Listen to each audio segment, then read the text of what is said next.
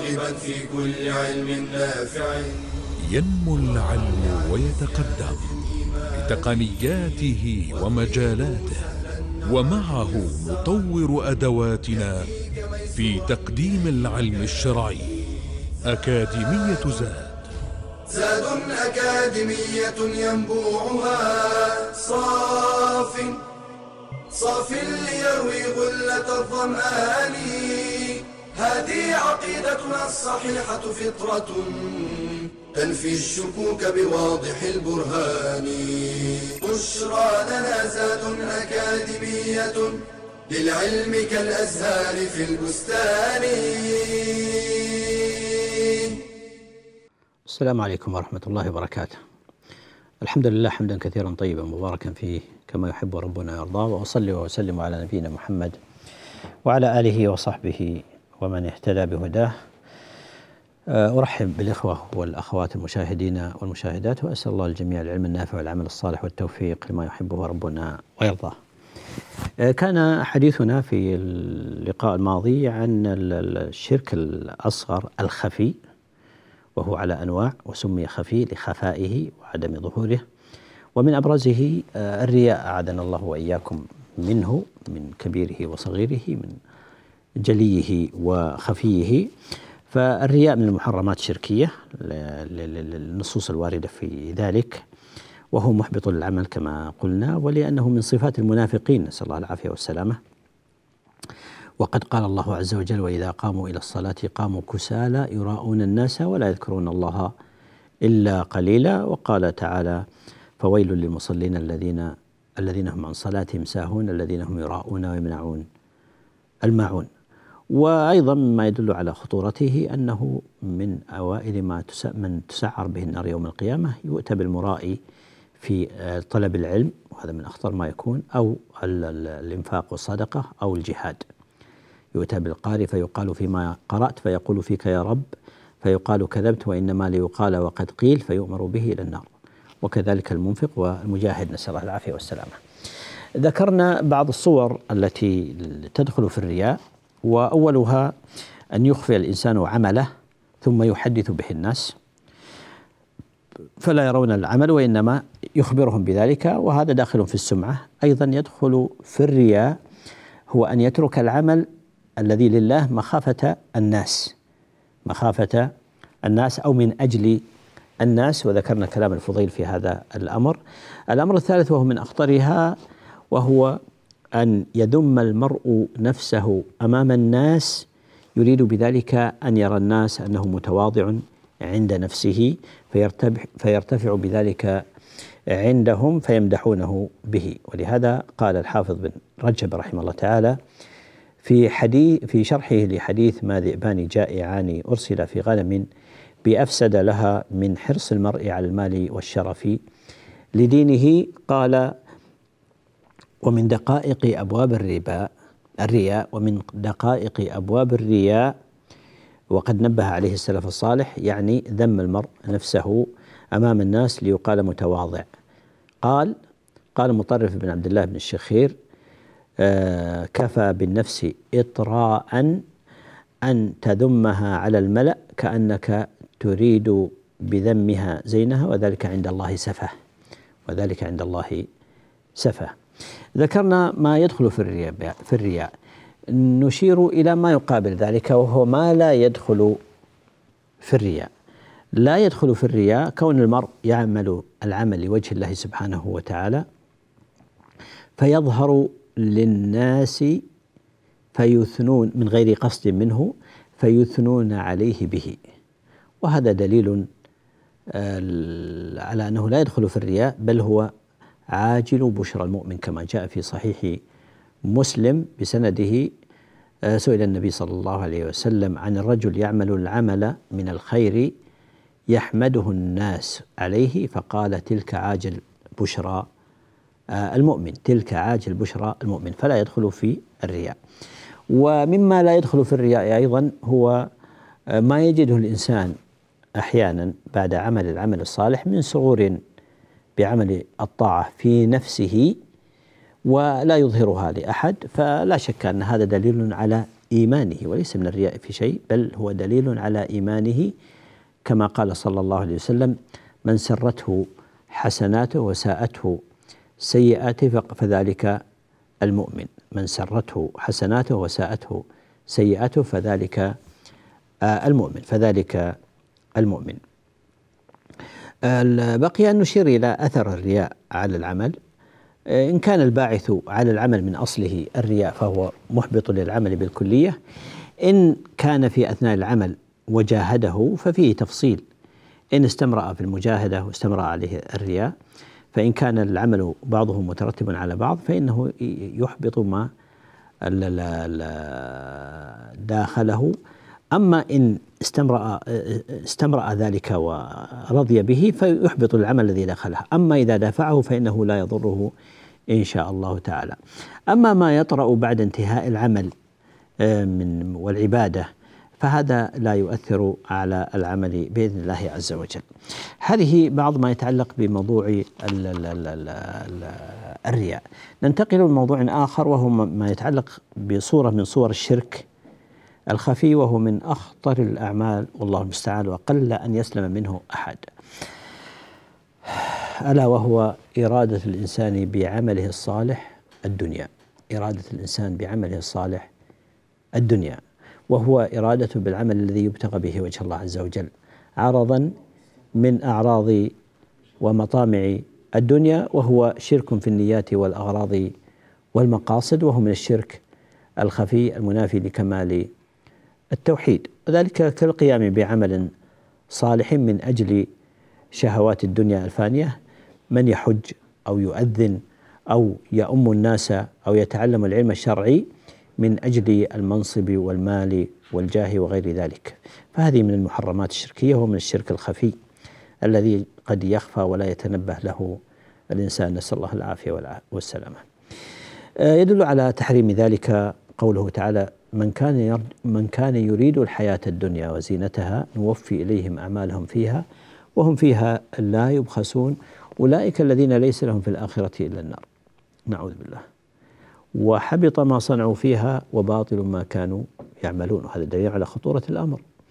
وجاء كذلك عن النبي صلى الله عليه وسلم أنه قال تعس عبد الدينار تعس عبد الدرهم وعبد الخميصة إن أعطي رضي وإن لم يعطى آه، سخط تعس وانتكس وإذا شيك فلا انتقش تعس عبد الدينار. تعس بمعنى ضد سعد بمعنى سقط.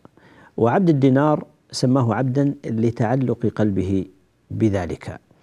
وعبد الخميصة هو الثوب ثوب الخز والثوب الشهرة والذي يعني يلفت أنظار الناس.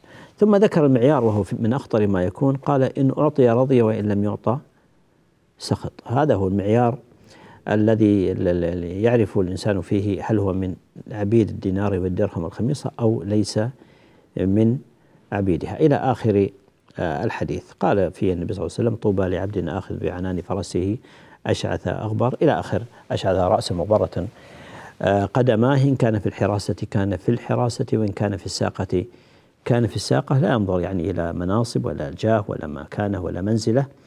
قال إن استأذن لم يؤذن له وإن شفع لم يشفع فهذا له طوبى عند الله سبحانه وتعالى.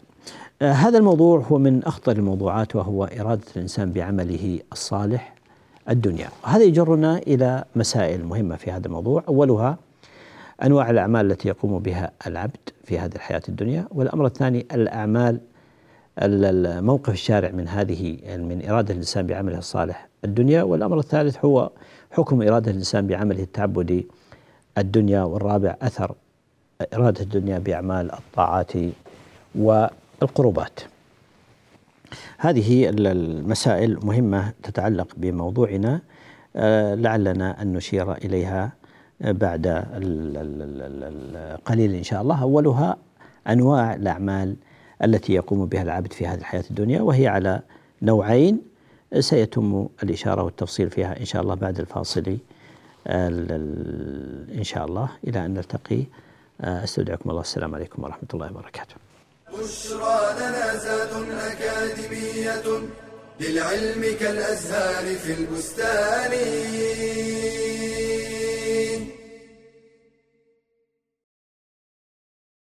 نعم الله علينا كثيرة جدا. لا نستطيع لها حصرا ولا نطيق لها شكرا إلا أن يوفقنا الله لذلك. قال تعالى وإن تعدوا نعمة الله لا تحصوها إن الإنسان لظلوم كفار. وإن من النعم ما هو معتاد متكرر ومنه ما هو متجدد. فإذا تجددت للعبد نعمة أو اندفعت عنه نقمة فيستحب له أن يسجد لله شكرا. فقد كان النبي صلى الله عليه وسلم إذا جاءه أمر سرور أو بشر به خر ساجدا شاكرا لله. وسجد أبو بكر لما أتاه فتح اليمامة. وسجد علي بن أبي طالب عندما انتصر على الخوارج. وسجد كعب بن مالك لما جاءته البشرى بتوبة الله عليه.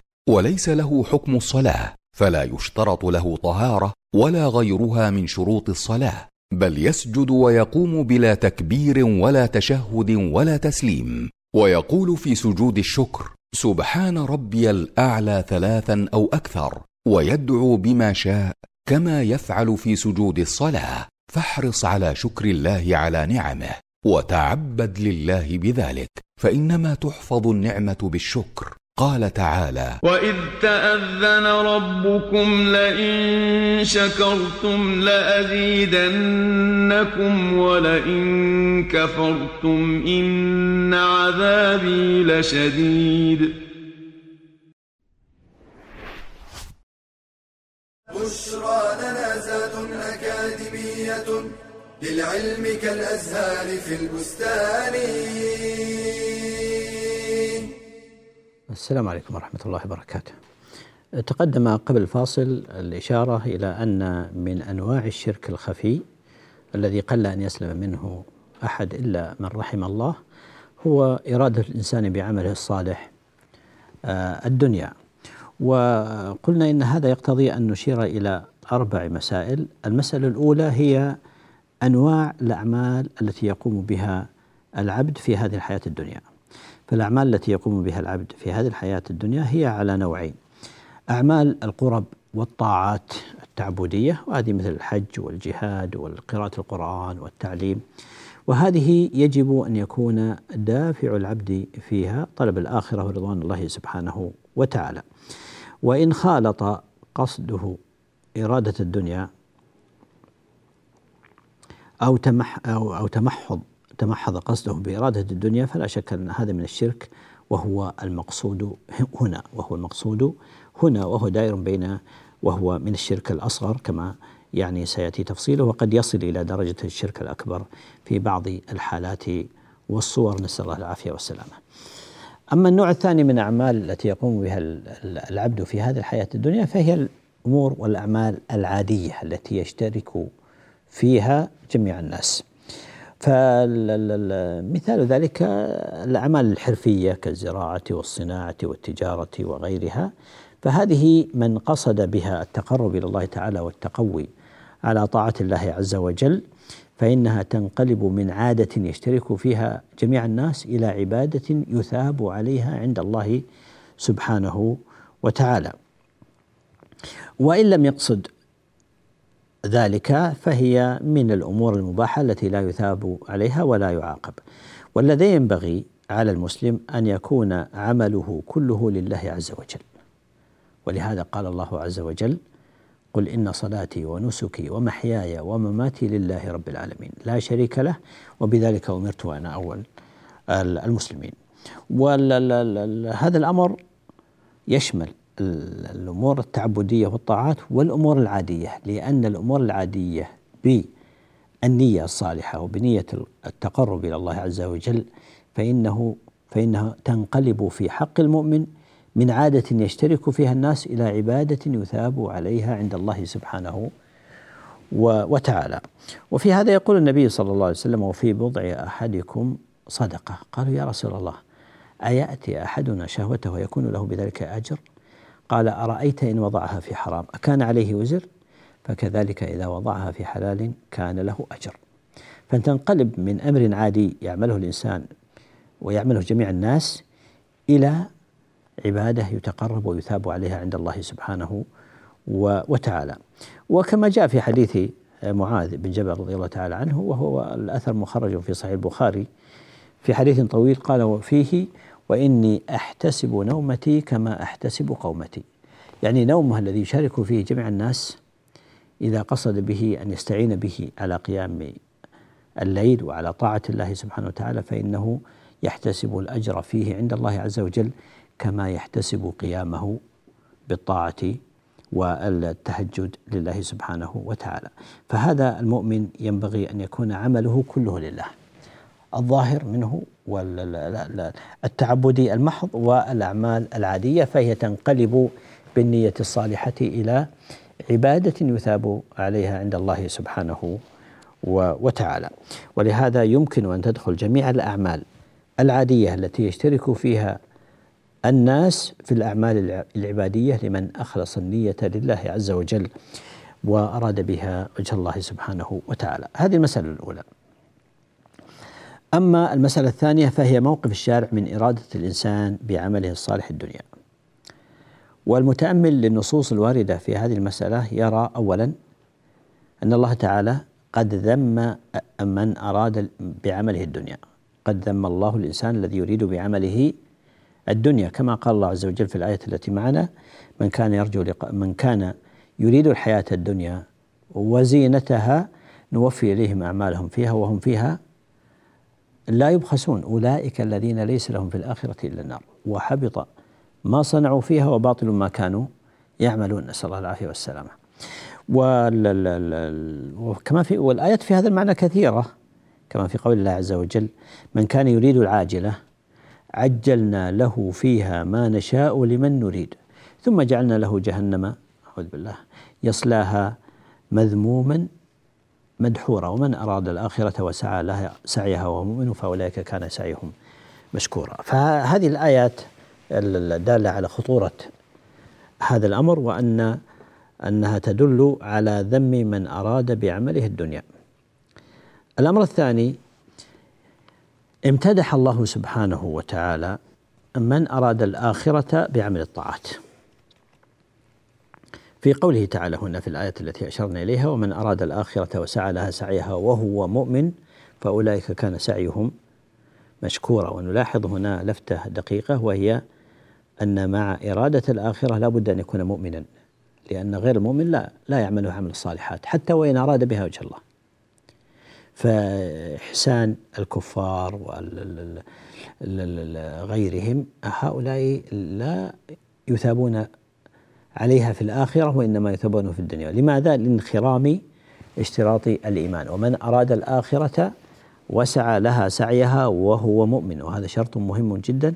قال تعالى فأولئك كان سعيهم مشكورا. نسأل الله الكريم من فضله. والحديث الذي مر معنا قبل قليل وهو قوله صلى الله عليه وسلم لما ذكر تعس عبد الدينار تعس عبد الدرهم قال في آخر الحديث طوبى لعبد آخذ بعنان فرسه آه، أشعث رأسه مغبرة قدماه إلى آخر الحديث. فهذا أيضا دليل على أن هذا المرء إنما أراد ما عند الله عز وجل ولم يلتفت إلى مكانه ولا مكان ولا منزله ولا منصب ولا غير ذلك. فامتدحه الله سبحانه وتعالى بأن وعده بطوبى وهي شجرة بالجنة. نسأل الله الكريم من فضله. آه هذا يجرنا إلى المسألة الثالثة وهي حكم إرادة الإنسان بعمل القربات والطاعات الدنيا. هذه لا شك أنها من المحرمات الشركية بدليل قول الله تعالى في الآية التي سبق أن أشرنا إليها أولئك ليس لهم في الآخرة إلا النار. فدل على أنها من المحرمات الشركية. ويضاف على ذلك قال وحبط ما صنعوا فيها وباطل ما كانوا يعملون. فدل ذلك على أن هذه من الأمور ومن المحرمات الشركية نسأل الله العافية والسلامة. وكذلك ما تقدم من الحديث والنصوص الأخرى الدالة على هذا الأمر. فدل على أن إرادة الإنسان بعمله التعبدي والقربات الدنيا أن هذه من المحرمات الشركية. ولذلك سمي هنا وأدخل ضمن الشرك الخفي لأنه أمر خفي متعلق بالقصد والغرض والإرادة الداخلية عند الإنسان ونيته ومقصده في هذا الأمر وهو هذا الأمر دائر بين الشرك الأكبر والشرك الأصغر كما هو في المسألة الأخيرة وهي ما يمكن أن يشار إليه في بحسب قصده وتعلق قلبه في هذا الأمر. المسألة الرابعة والأخيرة هي أثر إرادة الدنيا بأعمال القرب والطاعات. ما أثر هذه الإرادة في القرب والطاعات؟ الأصل أن إرادة الإنسان بعمله بعمل الطاعات. الدنيا أنه محبط للعمل مبطل له. بدليل الآية في قوله تعالى وحبط ما صنعوا فيها. فإذا حبط بطل فلا يثاب عليه وباطل ما كانوا يعملون. والأمر فيه تفصيل. لأن هذه من الأمور القلبية التي تحتاج إلى شيء من التفصيل والإيضاح والبيان من أجل بيان أو إيضاح الحق والصورة في هذه المسألة من أجل أن يتضح الأمر. فالأصل أنها محبطة للعمل. من أراد بالعمل القربة غير الله عز وجل فهو باطل ومحبط للعمل والأمر فيه تفصيل سيأتي إن شاء الله بعد الفاصل. إلى أن نلتقي أستودعكم الله. السلام عليكم ورحمة الله وبركاته. بشرى لنا أكاديمية للعلم كالأزهار في البستان.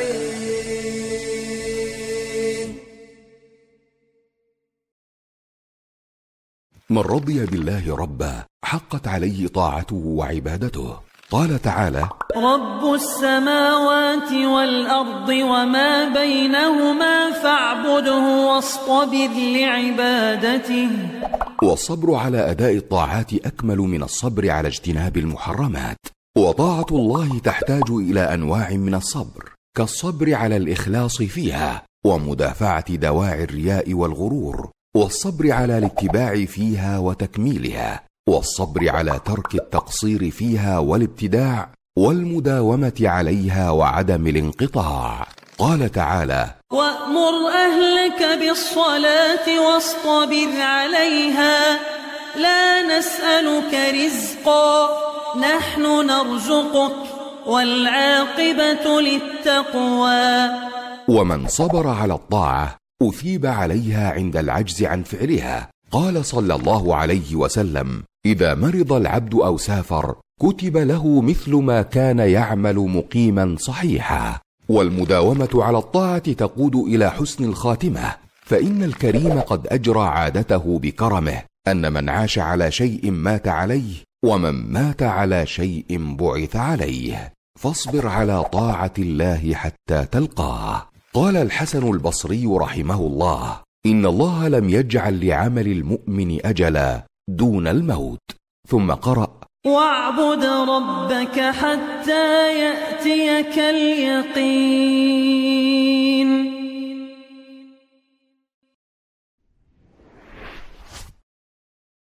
بشرى لنا زاد أكاديمية للعلم كالأزهار في البستان. السلام عليكم ورحمة الله وبركاته. كان العمل في أثر إرادة الإنسان بعمله الصالح. الدنيا وقلنا بأن هذه الإرادة وهذا القصد محبط للعمل وهو صريح الآية أولئك الذين ليس لهم في الآخرة إلا النار وحبط ما صنعوا فيها وباطل ما كانوا يعملون. فأشار إلى الإحباط والبطلان. نسأل الله العافية والسلامة. في هذا الأمر.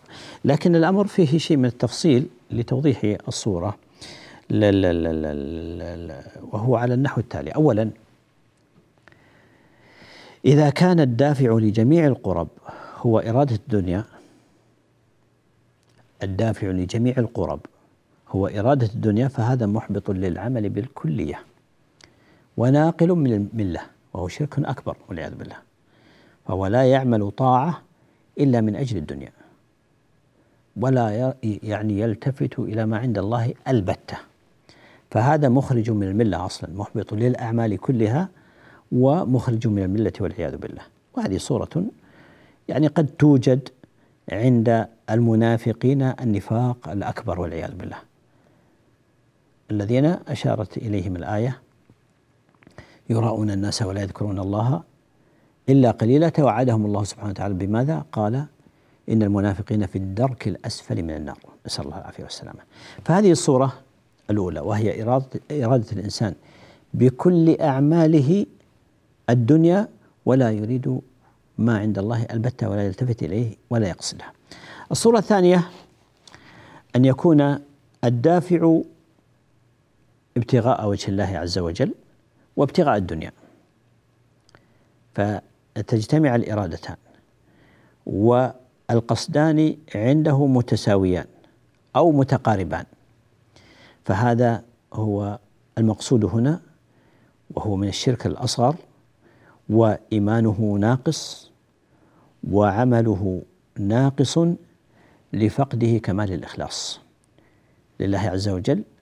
وقد قال الله عز وجل أنا أغنى الشركاء عن الشرك من عمل عملا أشرك معي فيه غيري تركته وشركه.